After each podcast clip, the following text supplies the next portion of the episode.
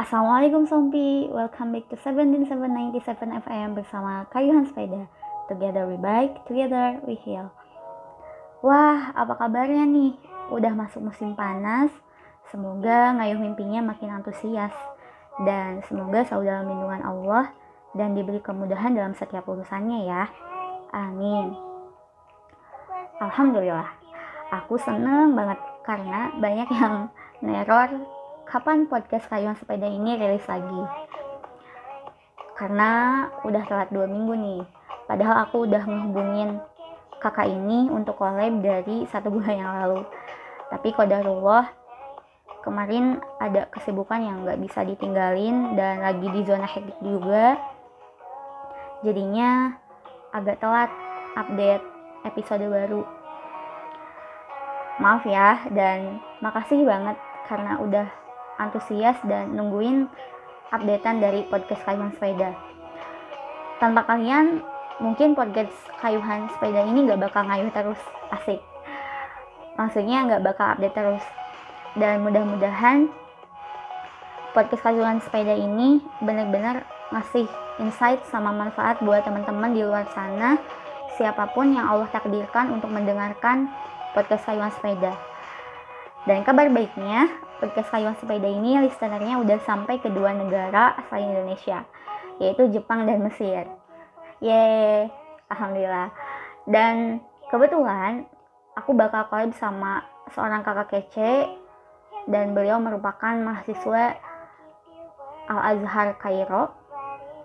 Oh, tapi sebelum aku ngenalin CV beliau, aku bakal ngenalin dulu kalau episode kali ini itu agak sedikit berbeda nama sectionnya, yaitu ngopi, ngobrolin seputar mimpi. Dan episode ini merupakan episode kedua dari ngopi karena sebelumnya aku udah rilis episode pertama di tahun 2019 di mana aku collab sama uh, salah satu mahasiswa Unpad yang punya passion di bidang kewirausahaan dan kalau teman-teman punya passion yang sama, bisa tuh dengerin episode pertama dari ngopi ini.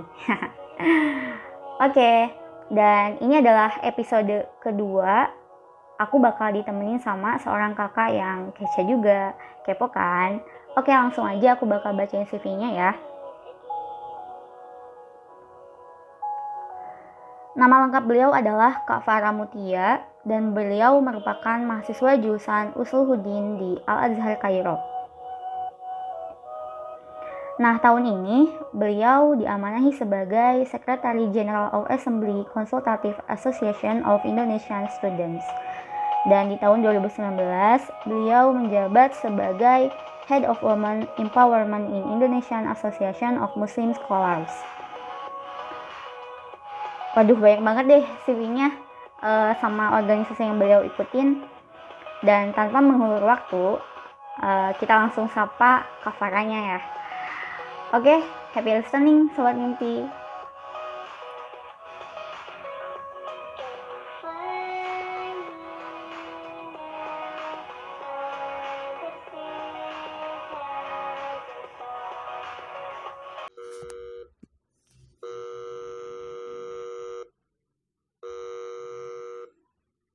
Halo, Assalamualaikum Kak Farah. Waalaikumsalam. Suaraku kedengar jelas gak Kak? Iya jelas. Suaraku jelas kan? Iya, Alhamdulillah jelas. Oke. Okay. Oke, okay, bismillah Kak. Okay. Gimana nih Kak kabarnya? Alhamdulillah baik. Kamu gimana kabarnya? Alhamdulillah baik. Di Indonesia. Iya, alhamdulillah Kak. Di sana PSBB gak sih Kak? Di sini PSBB, tapi di sini tuh kondisinya sama kayak Indonesia sih. Jadi kayak PSBB tapi ya pada keluar-keluar juga. Oh gitu. Oke, tapi kuliah ngambilnya uh, online atau tetap offline? Nah, kalau kuliah, karena kemarin kan kita habis ujian tuh. Mm. Pokoknya sebelum kita bikin podcast ini, kita aku lagi ujian. Nah, itu ujiannya online karena corona kan. Jadi kita kayak bikin makalah gitu. terus nanti di apa di posting di web Al Azharnya dan itu semuanya secara online oh gitu jadi sekarang lagi libur wah asik dong rencana balik nggak nggak ya iya iya rencana balik banget ke Indonesia tapi nunggu bandara dibuka bandara dibukanya Juli nanti begitu bandara dibuka aku mau balik oke okay. oke okay, kak stay safe ya di sana Iya, kamu juga ya di Indonesia. Siap. Kak, jadi uh, makasih banget nih udah ngeluangin waktunya buat apa ya, collab di podcast Kayuhan Sepeda. Karena uh, terus ini episode kedua, ya, jujur episode sama-sama.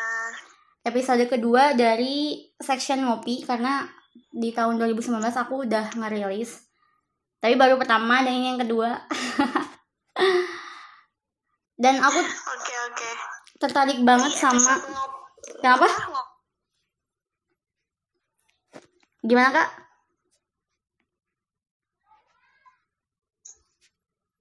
ini episode ngopi apa ngopi tadi? Ngopi ngopi ngopi. Ngopi okay. ya. ngobrolin seputar mimpi. Nah aku e, begitu aku save nomor kakak ceritanya di apa di status yeah handphonenya tuh uh, ada kata-kata yang bener-bener bikin aku wow kayaknya bisa nih kalau kalau diangkat jadi uh, di apa di episode kedua ini nah dunia agak keras kamu yang terlalu lunak aku kepo banget tapi sebelum kita ke pertanyaan uh, ke sana aku pengen nanya dulu kak apa sih ya. arti mimpi bagi Kak Farah Oke, aku jawab ya. Ya. Makasih sebelumnya ya kayak dan sepeda udah ngundang aku untuk collab di podcastnya. Semoga teman-teman bisa dapat banyak manfaat dari obrolan kita berdua. Amin. Amin. Sebelumnya aku mau Sama-sama, nyatain dulu apa mm -hmm. sih arti mimpi bagi aku. Nah, kalau bagi aku mimpi itu hmm, kayak ibaratnya ya, simpelnya kayak kita naik pesawat atau kita naik ke tempat yang tinggi jadi okay. kalau kita naik pesawat atau kita misalnya manjat pohon atau apa pun lah naik tempat yang tinggi ke menara atau apa pun itu, kita akan ngeliat wah indah banget. Tapi kita bakal ketagihan habis itu. Kita nggak bakal mau turun atau ketika kita turun kita pengen naik lagi ke tempat yang lebih tinggi lagi. Okay. Nah menurut aku arti mimpi itu kayak gitu uh, pun dari awal uh, kita kalau punya mimpi pasti kita agak ragu, kita agak takut ya karena memang kadang menanjak tempat yang lebih tinggi itu sulit dan butuh keberanian memang. Tapi ketika kita sudah ada di atas, sudah mencapai mimpi itu ya istilahnya, kita mm -hmm. akan ketagihan untuk uh, selalu apalagi nih, apalagi nih di atas ada apa lagi ya, di atas ada apa lagi ya. Wah di sini bagus, pasti di atas ada yang lebih bagus kayak gitu sih. Itu apa ya? Analogi mimpi bagi aku tuh seperti orang yang menaiki pesawat atau menaiki tempat yang tinggi. Jadi kita akan selalu penasaran meskipun kita awalnya takut kayak gitu. Oke, jadi bikin Kavara tuh pengen tahu uh, sesuatu yang ada di atas gitu kan. Maksudnya kayak gitu. Tapi benar ini kayak menarik banget karena iya, apa ya iya. jawabannya mm, OOT banget. Oke. Okay oke okay.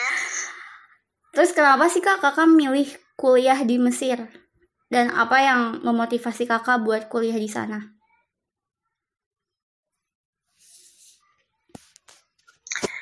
kalau yang memotivasi aku sebenarnya ada alasan yang hmm. simple sama ada alasan yang agak serius yang kita mulai dari simple dulu ya okay. kalau dari alasan yang simple sebenarnya dulu waktu aku kelas 6 SD Mm-hmm. Itu ayah aku pernah beliin buku Ketika Cinta Bertasbih, tahu kan yang karyanya Habibur Rahman Al Shirazi. Oh iya, itu Shirazi. fenomenal nah, banget. Itu buku itu kan menceritakan tentang mahasiswa di Mesir.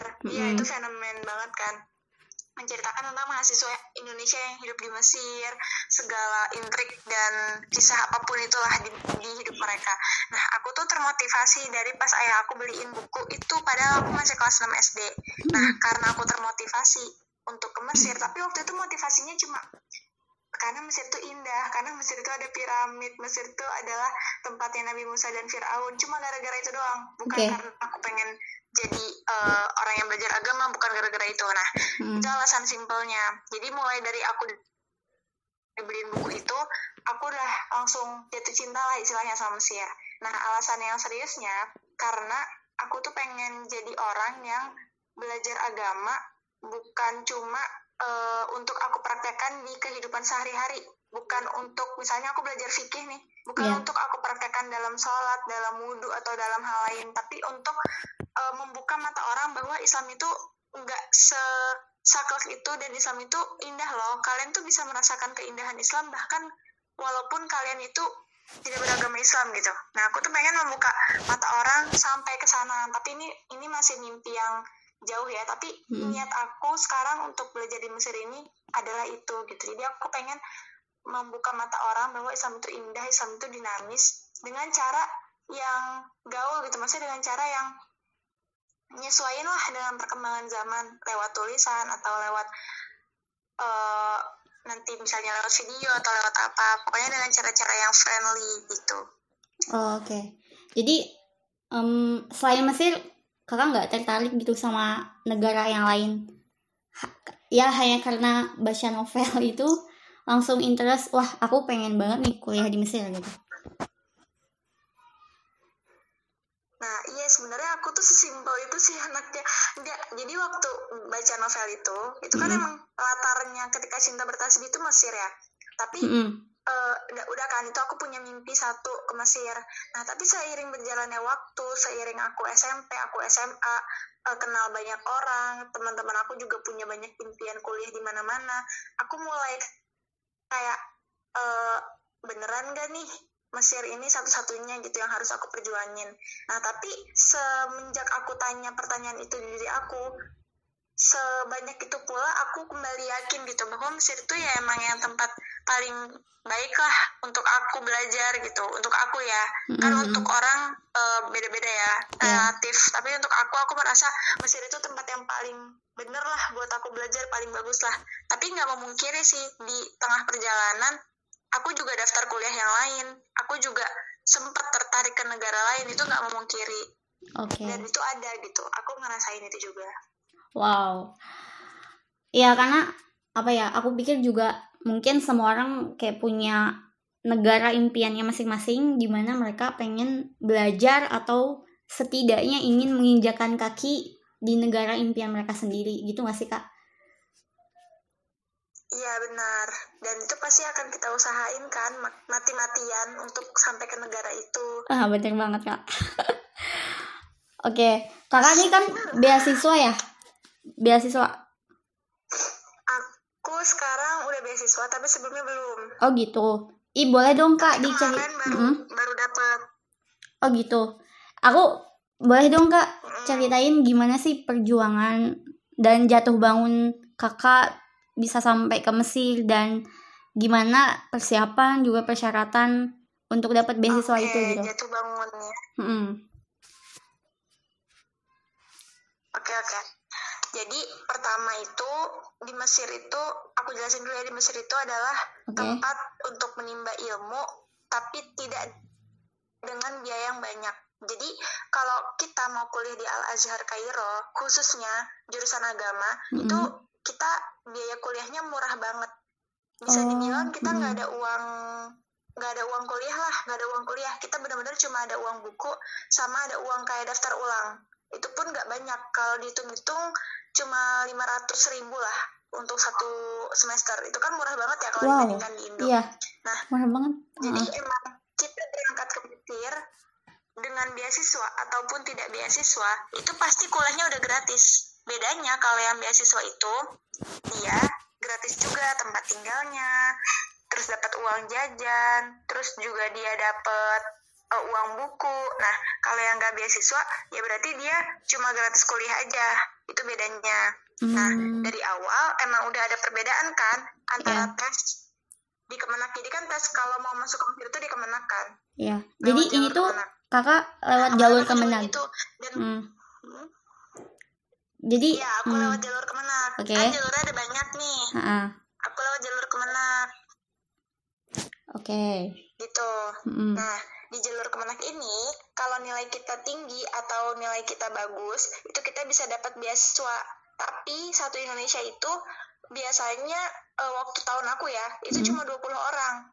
Dan itu Oh. biasanya udah diambil slotnya sama sekolah-sekolah yang terkenal kayak misalnya Gontor Oh. eh, atau sekolah-sekolah lain yang emang dia tuh udah terkenal tuh bukan terkenal gimana ya maksudnya alumni dia udah banyak gitu di Mesir dan udah punya kayak eh, channel banyak di Mesir gitu jadi lebih mudah nah jadi untuk kita yang eh, nggak dapat beasiswa Ya. lewat jalur kemenak yang 20 orang ini Mhm. otomatis kita biaya sendiri kan tapi jangan khawatir karena begitu kita sampai ke Mesir seperti yang aku bilang tadi biaya kuliahnya gratis dan kalau nilai kita bagus saat kita kuliah kita bisa dapat beasiswa Oh. jadi kita buktiin aja pas kita sampai sini eh, nilainya bagusin setelah udah bagus nilainya dapat ijazah kan ijazah tingkat pertama Mm-mm. dan itu dan itu bisa dipakai untuk apply beasiswa gitu dan itu yang aku lakuin sama teman-teman aku di sini Oh, gitu.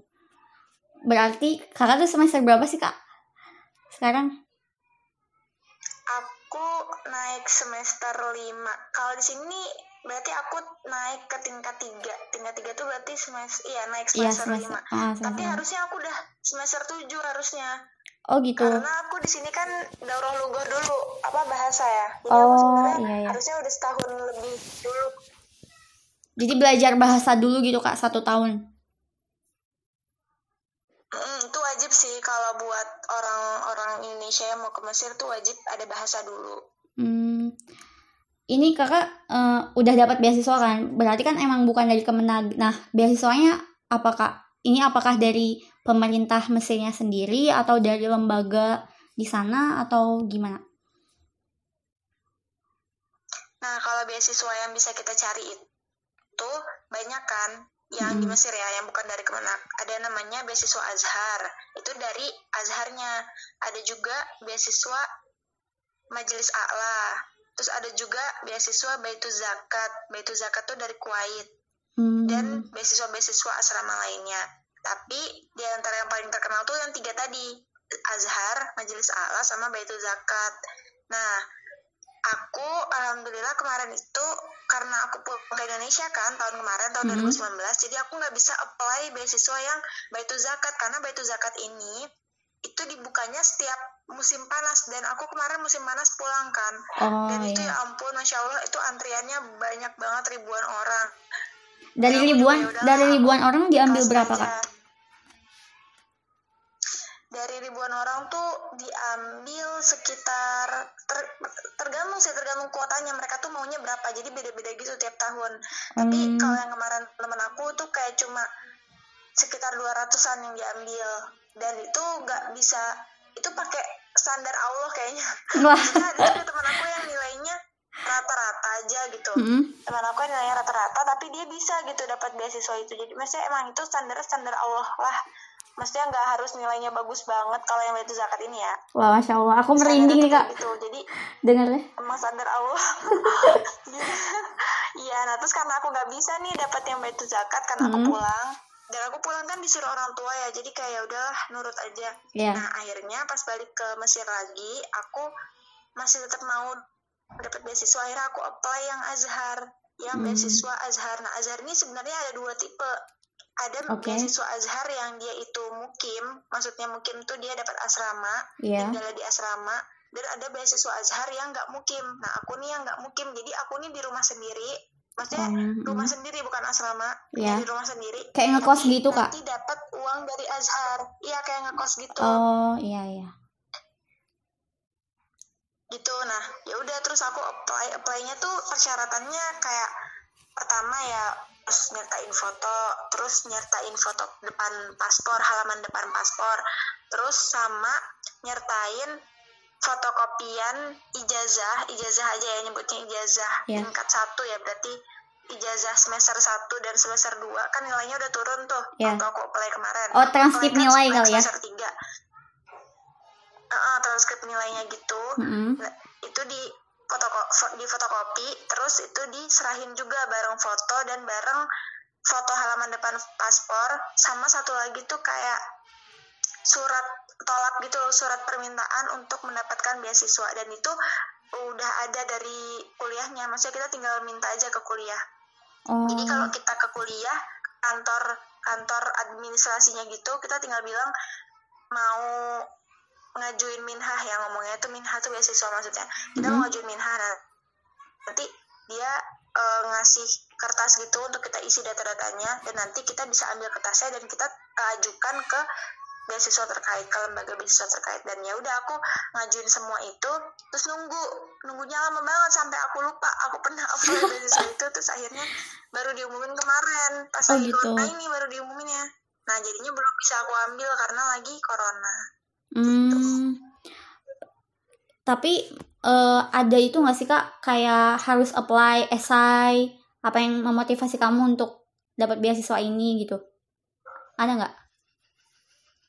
itu dilihat dari nilai sih Oh gitu. ada Mm. esayan jadi nilai kan nilai di Azhar itu ada tingkatan-tingkatannya kan ya kayak Iya. di kuliah juga biasa apa ya kayak IPK-nya gitulah Mm-mm.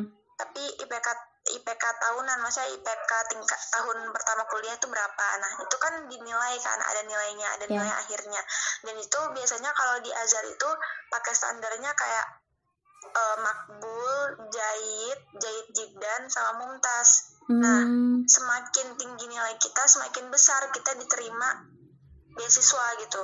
Kalau biasanya kalau mm, orang yang diterima beasiswa itu yang nilainya mumtaz sama jahit jibdan itu yang diter- itu yang gampang banget lah maksudnya kalau orang ini ngajuin beasiswa pasti dapat biasanya rata-rata ber- jahit ini Ah. untung-untungan dan ini pakai standar Allah tadi Oh gitu. Em, aku jadi pengen pakai angka nih kak. Kan biasanya kalau beasiswa eh standarnya kan ya emang IPK kan ngelihatnya. Misalnya nih harus dapat IPK paling rendah tuh 2,75 itu bisa ngajuin. Sama nggak sih kak? Atau 3,25 atau kalau di sini Mm, tuh kalau di sini itu yang aku tadi sebutin ya yang mumtaz gitu-gitu yang Mm-mm. jadi dan itu ada standar angkanya juga Oke. Ini aku kasih tahu standar angkanya bentar ya jadi kalau mumtaz itu dia dari bentar-bentar jadi kan tadi ada makbul ya nih. Pertama tuh ada doib jiddan. Doib jiddan tuh dari angka 0 sampai 39 Mm-mm. terus doif itu dari angka 40 sampai 49 terus makbul itu dari angka 50 sampai 64 jahit itu dari angka 65 sampai 79 nah jahit jiddan ini yang 80 sampai 89 dan yang mumtaz itu yang paling tinggi itu 90 sampai 100 itu Wow. Oke. standar angka nilainya itu dan itu nilai akhir kalau di Azhar karena kan di Oh. Azhar itu nggak ada UTS ya Iya. jadi cuma ada uas doang jadi ya udah deh pakainya nilai akhir Hmm. Tapi ul- ulangan harian ada kan kayak kuis-kuis gitu ada kan pasti kak? enggak Oh iya. Wah, nggak ada kok enak banget. Kalau di Azhar itu kita jadi mahasiswa Azhar itu kita benar-benar bernaung atau bertumpu lah ya Mm-mm. sama satu ujian yaitu Oh. ujian akhir semester Oh itu gitu. salah satu itu satu-satunya apa ya satu-satunya bekal kita lah satu-satunya ibaratnya kita nggak punya exit plan kita nggak punya apa ya nggak punya plan lain gitu Iya. nggak punya jalan keluar lain kalau kita gagal di ujian semester ini ujian akhir semester ya udah kita gagal selamanya Oh gitu. Tuh, Maksudnya nggak bisa ngulang juga. lain Mm-mm. Oh. ya bisa ngulang tapi kan ngulang dari awal lagi Iya. misalnya aku Hmm. gagal di semester 2 tingkat 1 ya berarti aku ngulang dari ngulang tergantung sih kalau gagalnya pelajaran banyak Mm-mm. ngulang dari awal tapi kalau gagalnya dua pelajaran aja atau satu pelajaran aja itu yang diulang pelajaran yang gagal aja Oh iya ya. Sama lah, masih sama. Misalnya kalau kalau di Indo kan iya sama eh, nilai D kadang harus diulang gitu. Kalau C ya aman, boleh ngulang atau enggak gitu. iya kayak gitu persis Oke. Terus kak ada gak sih pengalaman yang apa ya bikin kakak tuh jatuh bangun selama memperjuangkan beasiswa ini gitu ada nggak pengalaman jatuh bangun. Kalau pengalaman jatuh bangun ya sebenarnya dari daerah rumah aku sampai ke daerah untuk apply beasiswanya itu kan cukup jauh. Ibaratnya 45 menit sampai sejam lah. Oke. Kalau diibaratkan waktu ya Mm-mm. perjalanannya. Dan itu kalau kamu tahu kalau kalian tahu di Mesir itu angkutan umumnya belum sebagus angkutan umum di Indonesia. Oh jadi iya. kayak bisnya tuh masih bis-bis yang gede terus apa ya kayak bis gede kayak damri gitu segede damri tapi lebih kumuh lagi. Oh. Dan memang apa ya kayak antik gitu lah bisnya kayak antik tuh kayak emang bis lama gitu. Dan itu kan lebih apa ya lebih jor-joran lagi kan kalau kita naik bis yang kayak gitu. Maksudnya iya lebih kerasa lagi banget tuh perjalanan jauhnya tuh jadi kayak semakin jauh. Dan apalagi ya di Mesir itu kan musimnya itu ada musim panas ya. Dan Mm-mm. kalau udah musim panas tuh sampai 45 bisa 45 derajat celcius. Wow. Pernah jadi negara dengan suhu terpanas di dunia juga kemarin-kemarin. Nah jadi waktu aku lagi apply beasiswa itu emang itu pas lagi musim panas. Maksudnya peralihan dari musim dingin ke musim panas dan itu juga aku tempuh dari jarak yang lumayan jauh dari tempat aku tadi. Dan jatuh bangunnya itu karena pertama aku takdim berkas takdim maksudnya ngajuin berkas ke sana sama teman aku kan. Mm-mm. dan berkas teman aku ini ada yang kurang. Jadi kita kayak balik lagi ke kuliah kayak gitu. Tapi kalau misalnya kayak jatuh bangun sampai ditolak atau apa enggak sih jatuh bangunnya tuh karena apa ya karena situasi dan kondisi Mesir aja yang buat kita tuh jadi semakin sulit apalagi ya kalau di kuliah Al Azhar itu Mm-mm. birokrasinya emang agak lama. Jadi misalnya kita ngajuin berkas ke kantor administrasinya untuk mendapatkan beasiswa ya. Tadi ngajuin berkas beasiswanya itu Mm-mm. misalnya dari seminggu sebelumnya dan itu bisa dapat bisa keluar nama maksudnya keluar nama berkas kamu sudah jadi itu keluar namanya tuh bisa sampai dua minggu tiga mingguan Hmm. jarang banget seminggu eh, sebelumnya ngajuin seminggu depannya udah ada atau tiga hari selanjutnya udah ada tuh jarang banget jadi emang Al Azhar itu kan masih pakai sistem klasik ya masih Oh, gitu. pakai sistem yang ibaratnya belum berubah lah dari zaman dulu sampai sekarang jadi di kantor administrasinya itu nggak pakai komputer pakainya iya. manual pakai orang oh. tulisan tangan. Heeh. jadi padahal oke. nilai ijazah Heeh. aku tuh tulisan tangan oh. Wow. Gitu. Jadi kebayangkan nunggunya lama banget. Bagaimana Al Azhar itu mahasiswanya ribuan. Mm-mm. dari negara dan dari berbagai itu, ha, itu kan lama banget. Iya benar. Iya dari berbagai dunia penjuru dunia kan. Padahal Itu udah lama banget nunggunya. Ya Maksudnya kayak udah- aja. tahun 2020 gitu kan kayak future banget tapi wow Iya, mereka hmm, iya benar-benar mungkin Dan aku mempertahankan sering kali ya bertanya-tanya sama teman aku Mm-mm. Iya mungkin mempertahankan. Aku sering bertanya-tanya sama teman aku tuh kayak kenapa ya Al Azhar kok kayak gini sistemnya kok mereka nggak nggak bikin sistem yang komputerisasi atau apa. Tapi mungkin ya lagi-lagi kita mentok ke jawaban tadi kata kamu benar.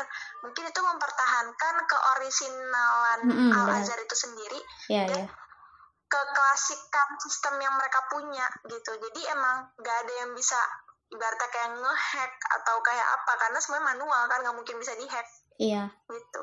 apalagi berarti rawan untuk Hmm, ya mencurangi gitu ya Iya rawan Iya. tidak bisa dicurangi itu itu yang positifnya ya. Iya, Yang bisa ha, kita benar. positif ya itulah. oke oke kak lanjut nih aku penasaran juga Oke. selama di Mesir eh hal yang paling nggak enak sama enaknya apa sih kak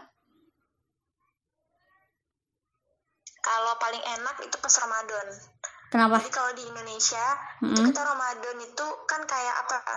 Gak tau ya, masih banyak orang Islam yang kayak berpikir kalau Ramadan itu kayak capek atau kayak ya ampun puasa 30 hari. Mm-mm. Aku yakin masih banyak kan yang kayak gitu. Tapi kalau di Mesir ya, aku juga dulu kayak gitu. Masih aku merasa Ramadan meskipun banyak pahalanya tapi capek kita harus puasa gitu. Dulu aku sebelum ke Mesir ngerasa kayak gitu. Mm-mm. Tapi ya ampun ya, setelah aku ke Mesir, ini yang ini momen yang paling indahnya ya di Mesir itu saat Ramadan karena saat Ramadan in, itu kamu nggak bakal ngerasa kayak Ramadan tuh berat.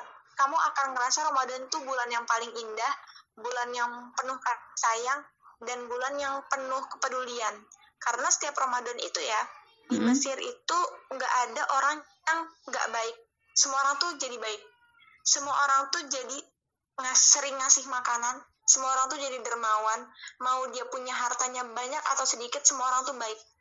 Jadi kita tuh nggak nggak usah khawatir kita nggak punya makanan untuk sahur untuk buka karena setiap kita jalan aja itu bisa bisa kita dipanggil sama orang Mm-mm. suruh mendekat terus dikasih makanan Wah, masya Allah. apalagi kita yang siswa dari luar negeri ya maksudnya kita kan kehitungnya pendatang ya di Mesir Mm-mm. mahasiswa luar gitu mahasiswa asing nah mereka tuh suka banget kalau ngasih makanan ke mahasiswa asing karena mereka tuh tahu kalau kita memuliakan penuntut ilmu maka pahalanya juga akan eh, maksudnya pahalanya juga akan banyak dan besar karena Iya. digunakan untuk menuntut ilmu gitu kan Iya benar ya. Allah itu pokoknya setiap Ramadan tuh euforianya kerasa banget ya karena itu karena semua orang tuh baik dan apalagi Ramadan tuh biasanya musim panas kan Iya benar. jadi Mm. biasanya orang Mesir tuh malam-malamnya nggak tidur malam-malamnya itu mereka bangun rame dan ya udah taraweh terus beraktivitas karena siangnya tuh panas banget jadi siangnya mereka di rumah malamnya mereka beraktivitas gitu jadi kerasa banget sih euforianya itu Wow. momen yang, itu momen yang terindah tuh Oke, Ramadan. aku sampai merinding loh. ya bener deh nanti semoga ya nanti eh, kalian khususnya kamu bisa ke Mesir untuk sekedar jalan-jalan atau untuk menuntut ilmu kamu harus rasain momen Ramadannya itu enak banget di sini Amin, insya Allah kak. amin dan yang paling gak enak ya tadi momen yang paling gak enak itu Mm-mm. ketika em, ketika lagi ujian dan badai Wow, badai apa nih kak? ujian di Azhar itu kan Mm-mm. badai dingin kan di sini ada musim dingin ada musim panas ya Oke, kalau ujian musim dingin badai dingin kalau ujiannya musim panas musim panas. badai pasir Ah, Oke. Mm-mm. dan biasanya yang paling sulit untuk dijalani itu ya dua-duanya sulit sih cuman yang menurut aku paling sulit itu pas dingin justru karena aku tuh kalau dingin nggak kuat maksudnya bayangin ya kita mikir di ruangan ujian Mm-mm. tapi angin tuh gede banget terus kayak kedinginan anginnya tuh gede banget parah maksudnya musim dinginnya tuh bukan hanya musim dingin yang dingin tapi musim dingin dengan angin dingin gitu Oke. jadi Paling- kita mm-mm. dari rumah ke kuliah itu ya Allah itu udah terbang-terbang lah kerudung kita. Maksudnya baju kita udah terbang-terbang. Ini ini aku nyeritainnya kayak ini banget ya kayak mendramatisir banget. Tapi emang beneran kayak gitu. Sampai waktu dulu ya waktu rumah aku masih ada di dekat kuliah. Terus aku kan jalan ya ke kuliahnya. Mm-mm. ya Allah itu aku sampai baca buku sambil baca buku kan. Itu sampai buku aku kalau nggak dipegangin tuh bisa bisa kabur. Saking anginnya tuh gede banget. Itu tapi nggak setiap hari musim dingin kayak gitu sih. Mm-mm. cuma beberapa hari doang. Tapi itu termasuk kalau kalau menurut aku itu termasuk hal yang sulit untuk dijalani karena kita berpikir sambil menahan dingin Mm-mm. dan kalau di musim panas berpikir sambil menahan panas gitu Iya benar-benar. itu sih Terus tadi kak yang apa ujian Azhar katanya? ya Mm-mm. Kenapa tuh kak? Tadi aku potong. kalau ujian Hah? Azhar Hah? itu kenapa sulitnya karena ujian Azhar itu mm, nggak ketebak.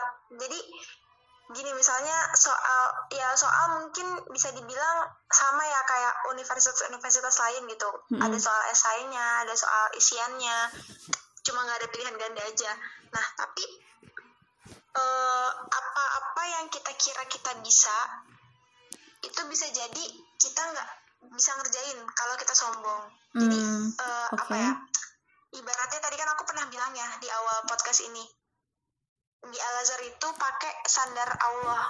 Kenapa aku bilang kayak gitu? Karena sering banget ya orang mahasiswa di sini dia udah pinter banget tapi misalnya dia pernah sombong meskipun setitik doang kayak ngerasa lebih baik dari temen dia atau ngerasa dia bisa ngerjain ulangan ngerjain ujian itu nilainya biasanya nggak akan sebagus ekspektasi dia dan nggak akan sebagus yang orang-orang berpikir oh ini orang pasti bagus karena dia pintar. Tapi nggak Hmm. akan kayak gitu karena tadi itu pakai standar Allah.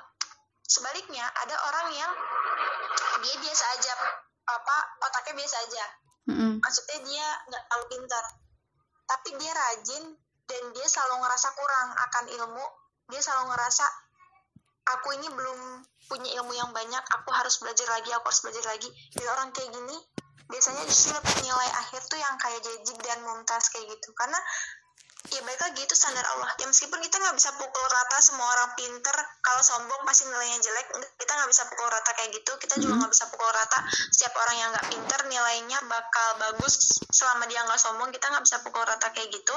Tapi kebanyakan yang aku lihat itu kayak gitu makanya di Azhar itu kita kalau ujian itu benar-benar harus bersihin hati harus bersihin pikiran harus benar-benar apa ya jangan ada rasa sombong dengki. Pokoknya jangan ada pikiran-pikiran jelek lah di hati ataupun di otak kita karena itu mempengaruhi banget. Karena yang nilai itu Allah bukan dosen doang. Iya benar. Itu sih. Masya Allah aku jadi kepikiran ini kayaknya kalau misalnya judul podcastnya kuliah di Al Azhar pakai standar Allah itu kayaknya pasti banyak yang denger deh. Nggak nggak canda kak. Iya bener-bener. Itu bagus kayaknya. Soalnya aku ngerasain beneran deh. Aku ngerasain. Aku ngerasain itu kayak aku pernah soalnya. Jadi ada madah ada pelajaran Hmm. namanya hadis tahlili. Iya. Sama tafsir tahlili. Oke. Nah, aku ngerasa ya di tafsir tahlili ini, aku tuh aku teman-teman aku tuh pada nanya ke aku kayak gimana sih Far? Gini gini gini gini. Ya udah aku jelasin. Pokoknya aku pede banget lah di pelajaran tafsir tahlili ini nilai aku akan bagus karena pertama aku udah ngajarin teman-teman aku dan aku pokoknya aku udah nguasain lah segalanya di Mm-mm. tafsir tahlili ini. Dan di, dan di situ aku akuin emang aku ada kayak sedikit perasaan yang kayak ah aku pasti bisa. Nah, perasaan kayak gini tuh sempat ada ketika aku menga- me- apa mengerjakan soal ujian tafsir tahlili. oke Jadi aku pede Hmm. banget lah saat itu. Nah, ini ini pengalaman aku sendiri ya. Makanya aku berani bilang Azhar itu pakai standar Allah. Nah, terus di pelajaran hadis tahlili Mm-mm. itu aku ngerasa ya ampun kayaknya aku masih kurang banget nih. Aku belajar lagi. Dan pas ujian emang aku ngerasa ya, ya ampun tafsir tahlili kok gampang banget ya ini mah sesuai dengan apa yang aku pelajari gitu iya dari awal aku masuk ujian duduk ngerjain sampai keluar itu pede terus aku sama tafsir tahlili beda halnya dengan hadis tahlili pas ujian itu ada beberapa soal itu suruh nulis hadis. Dan aku tuh lupa hadisnya apa. Jadi akhirnya aku nggak nulis hadisnya. Kan jadi kalau kita nulis hadis tapi salah itu kan fatal banget ya harusnya. Iya karena benar-benar hadis itu kan perkataan rasul ya. Hmm. itu nggak boleh salah. Makanya kadang kalau kita lupa itu dianjurkan untuk nulis al Rasulullah atau seperti yang Oh. dikatakan Rasulullah gitu biar kita tuh nggak salah-salah banget. Nah aku tuh akhirnya nulis kayak gitu. Aku akhirnya ya ampun ini aku nggak hafal sanat-sanatnya siapa aja isi hadisnya apa aja. Aku nggak hafal akhirnya aku tulis intinya aja coba. Aku tulis intinya hadis ini tuh menjelaskan tentang ini ini ini, ini. terus aku kasih al kama qala Rasulullah. Itu ada kayak dua nomor atau tiga nomor yang- yang aku tuh kayak gitu. Dan aku tuh keluar kelas tuh ya Allah aku nggak pede banget hari tahlili aku kayak gitu ya udah aku tawakal tawakal tawakal. Yang penting aku udah berusaha. Iya iya hasilnya tahu nggak? Hasilnya pas diumumin nilainya tafsir tahlili aku dapetnya makbul. Makbul tuh nggak ngulang tapi dia KKM rata-rata. Hmm. eh itu yang tafsir tahlili tafsir tahlili yang makbul. Yang aku Oke. pede setengah mati tadi itu Oke. makbul. Sedangkan yang hadis tahlili Hah? aku malah alhamdulillahnya malah aku dapetnya mumtaz gitu. Oh iya? Itu aku sampai ya wow. Iya. Masya Allah. Aku tadi nggak nulis hadis kan? Iya benar-benar ya Allah. Tapi kok bisa ya? Ya Allah Bener-bener. mikirnya ya Allah apa ini eh, dosen hadis tahlili sama tafsir tahlili ketukar nulis hasil ya? Ketukar ngoreksi apa gimana? Kok nilai aku kok kayak harusnya kebalik gitu. Harusnya yang tafsir iya. tahlili itu yang mumtaz gitu. Mhm. terus aku ber- belajar dari pengalaman itu oh mungkin emang karena saat itu aku pernah ngerasa pede. Aku pernah ngerasa aku lebih baik dari teman-teman aku di pelajaran tafsir tahlili. Dan aku nggak aku di situ ngambil pelajaran banget sih. Ya Allah berarti aku nggak boleh nih ngulangin perasaan-perasaan kayak gini. Walaupun itu cuma perasaan loh. Aku nggak ngomong ya ke teman-teman aku kayak eh benar-benar. aku pasti lebih baik dari kalian? Aku nggak ngomong. Itu cuma Iya, iya. perasaan doang iya iya iya Azhar tuh masya Allah banget standarnya standar Allah tadi itu iya benar tapi sebelumnya di pasti kasih kisi-kisi nggak sih kak kalau misalnya ujian gitu nggak dikasih kisi-kisi tapi dikasih kayak pelajar apa bab-bab apa aja yang keluar tapi Hmm. kisi-kisi nggak ada Oh gitu. Oke. Oke oke. Sip. ya Oke ini eh, aku mau nanya tambahan katanya eh, beasiswa S2 di Mesir tuh nggak ada ya kak? kalau S2 Hmm. beasiswanya bukan nggak ada sih tapi S2 itu bayar Oh gitu. beda halnya sama S1 Hmm. itu setahu aku ya tapi Hmm.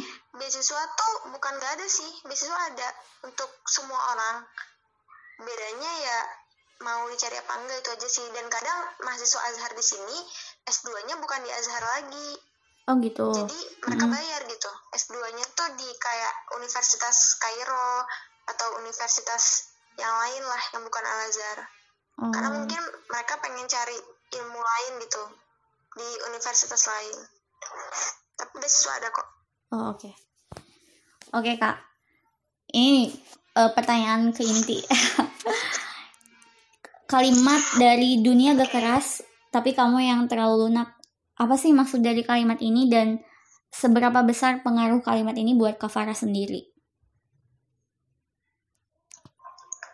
aku nulis kalimat itu jadi bio WA aku karena aku lagi ngerasain gimana aku tuh ngerasa capek banget sama kuliah, sama organisasi, sama ya tuntutan tuntutan tuntutan hidup lah ya. Mm-mm. Aku ngerasa tapi kok kayaknya apa yang aku rasain ini kelelahan yang aku rasain ini, masih rasa capek yang aku rasain ini kok kayaknya masih masih cetil banget gitu, masih masih kecil banget dibandingkan apa yang orang-orang hebat sudah buat di luar sana. Kayak makanya di sini tuh penting banget ya kita sebagai manusia biasa yang belum mencapai tingkat kesuksesan ya bisa dibilang itu untuk melihat selalu ke orang-orang yang udah sukses. Karena kenapa? Karena kita di situ ketika kita melihat ke orang yang lebih sukses daripada kita atau yang sudah matang dengan kehidupan dia ya ketika kita melihat mereka itu kita jadi ngerasa kayak oh mereka tuh bisa loh ngelewatin dunia yang katanya keras ini. Oke, mereka benar-benar. tuh bisa loh ngelewatin dunia yang kita kira aduh melelahkan banget dan kita ngerasanya juga aku udah capek banget. Tapi mereka nggak merasa secapek itu kok buktinya mereka masih mau lanjut ke step yang selanjutnya. Dan itu makanya aku bilang tadi penting untuk kita ngelihat ke orang yang lebih sukses atau lebih lebih di atas kita dalam hal kebaikan ya. Iya, itu benar. itu harus kita lihat mereka yang di atas kita. Karena kita akan motivasi kita akan ngerasa ya tadi itu dunia itu nggak akan nggak nggak sekeras itu kok. Dunia itu nggak keras. Tapi kamunya aja yang terlalu lunak. Kamunya aja kitanya aja akunya aja ngerasa terlalu capek dikit-dikit capek padahal baru itu padahal baru sekecil itu. Kayak misalnya baru kuliah dari pagi sampai sore terus organisasi terus rapat terus bikin project apa udah ngerasa capek. Padahal kalau kita lihat orang-orang yang sukses di luar sana apalagi kalau kita ngelihat perjuangannya sahabat sama Rasul sama tabiut tabiin sama tabiin dulu itu lebih-lebih kan mereka umur 17 tahun udah jadi panglima perang umur 20 tahun udah memimpin pasukan ke mana terus umur 7 tahun udah hafal Quran. Nah ini mereka ini berarti nggak ada tuh kamus dunia keras di hidup mereka. Yang ada itu kamus dunia itu nggak keras tapi hanya kamu yang terlalu lunak. Dan aku selalu mikir itu. Jadi aku selalu mikir iya ya dunia ini tuh nggak keras sebenarnya. Tapi kitanya aja yang terlalu lunak kitanya aja yang terlalu sepele gitu. Kitanya yang terlalu kayak ya Allah capek banget padahal baru segitu. Gitu sih. Wah. dan menurut aku kalimat tadi itu berpengaruh banget sama hidup aku.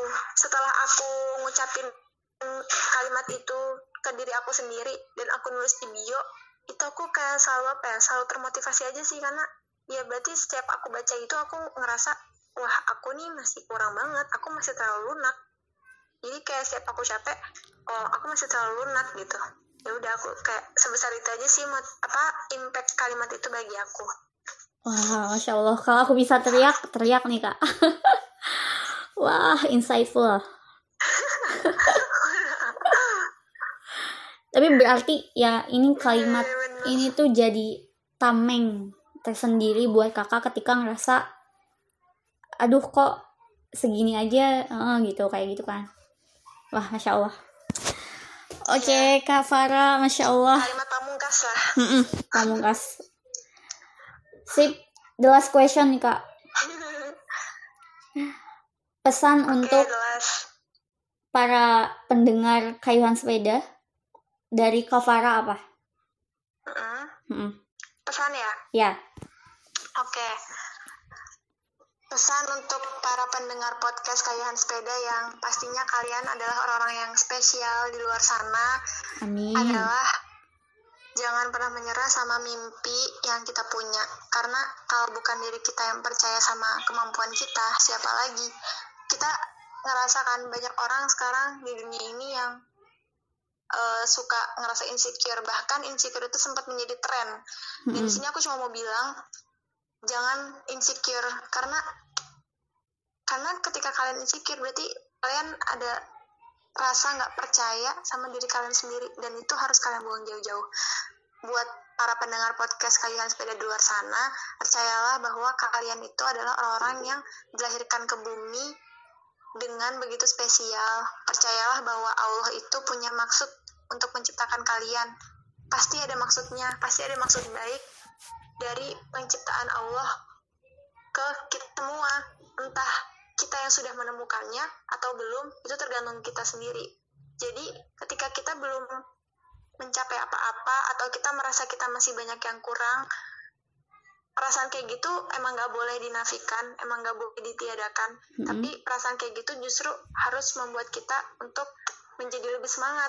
Kayak sebenarnya insecure itu dia bukan perasaan negatif insecure itu nggak selamanya negatif tapi gimana cara kita ngubah insecure itu menjadi positif? Kayak misalnya kita ngerasa insecure karena kita masih gini-gini aja. Sebenarnya itu bisa diubah jadi perasaan yang positif.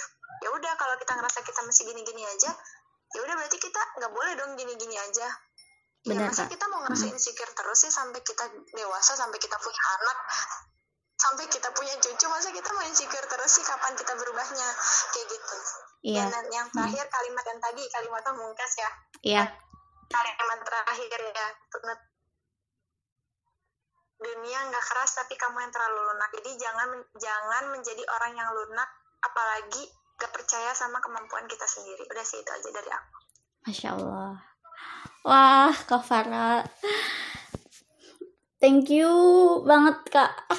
Makasih insightful juga ya sama buat kayuhan sepeda bener-bener ini asli nggak bisa berkata-kata. Wow, padahal ya kayuhan sepeda baru kenal dari Tumblr ya iya. Iya. mm. Dan aku emang banyak collabnya sama anak Tumblr sih kak. tapi Mm-mm. oh gitu Ha-ha. tapi maksudnya Tumblr itu menyatukan orang-orang seperti kita ya ya maksudnya orang-orang yang sebenarnya dia nggak ada identitasnya di luar sana tapi ternyata nyambung gitu kalau ngobrol. Nah benar. Dan aku so-soan buat bikin podcast tahun 2019 kayak ya ya udahlah aku pengen berkarya di podcast terus yang dengerin eh, cuma orang-orang Tumblr. Tapi ternyata pas aku share ke Instagram ya alhamdulillah ada yang menikmati juga wah Kak Farah makasih banget ini benar-benar insightful dan benar-benar bermanfaat untuk aku dan pastinya untuk para zombie di luar sana makasih banyak ya Kak semoga bisa jadi amal jariah untuk Kak Farah dan semoga Allah selalu ngasih keberkahan dalam setiap aktivitas Kak Farah.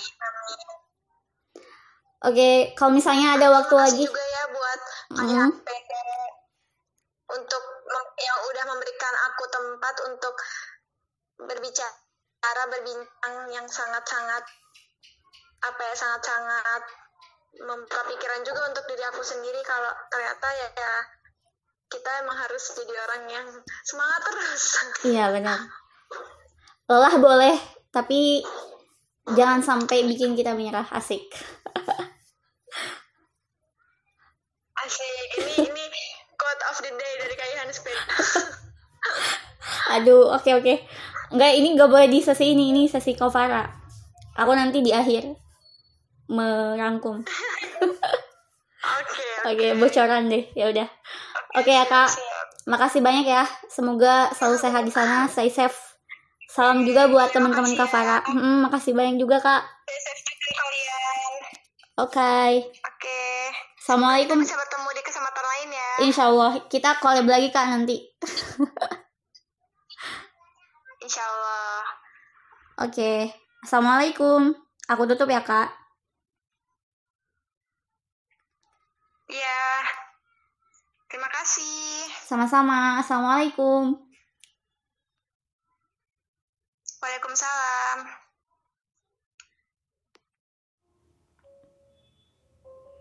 Baik Sompi, karena kita sudah berada di penghujung episode kedua dari ngopi atau ngobrolin seputar mimpi bersama Kayuhan Sepeda dan Kevara, aku juga ingin memberikan hikmah yang bisa aku ambil setelah ngobrol dengan Kevara.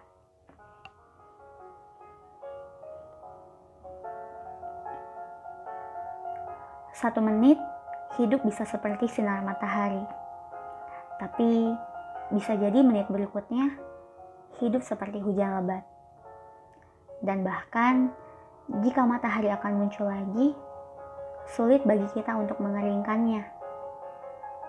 Ya, hidup itu keras. Tapi itulah yang membuat hidup layak untuk dijalani. Itulah yang memberi makna hidup. Itulah yang mengungkap siapa kita sebenarnya. Dan meskipun hidup itu sulit, hmm, tetap saja indah. Bahkan dalam hujan lebat sekalipun, kamu masih bisa mengambil payung dan kamu masih bisa terus berjalan. Ya, hidup itu keras, tapi kamu lebih keras.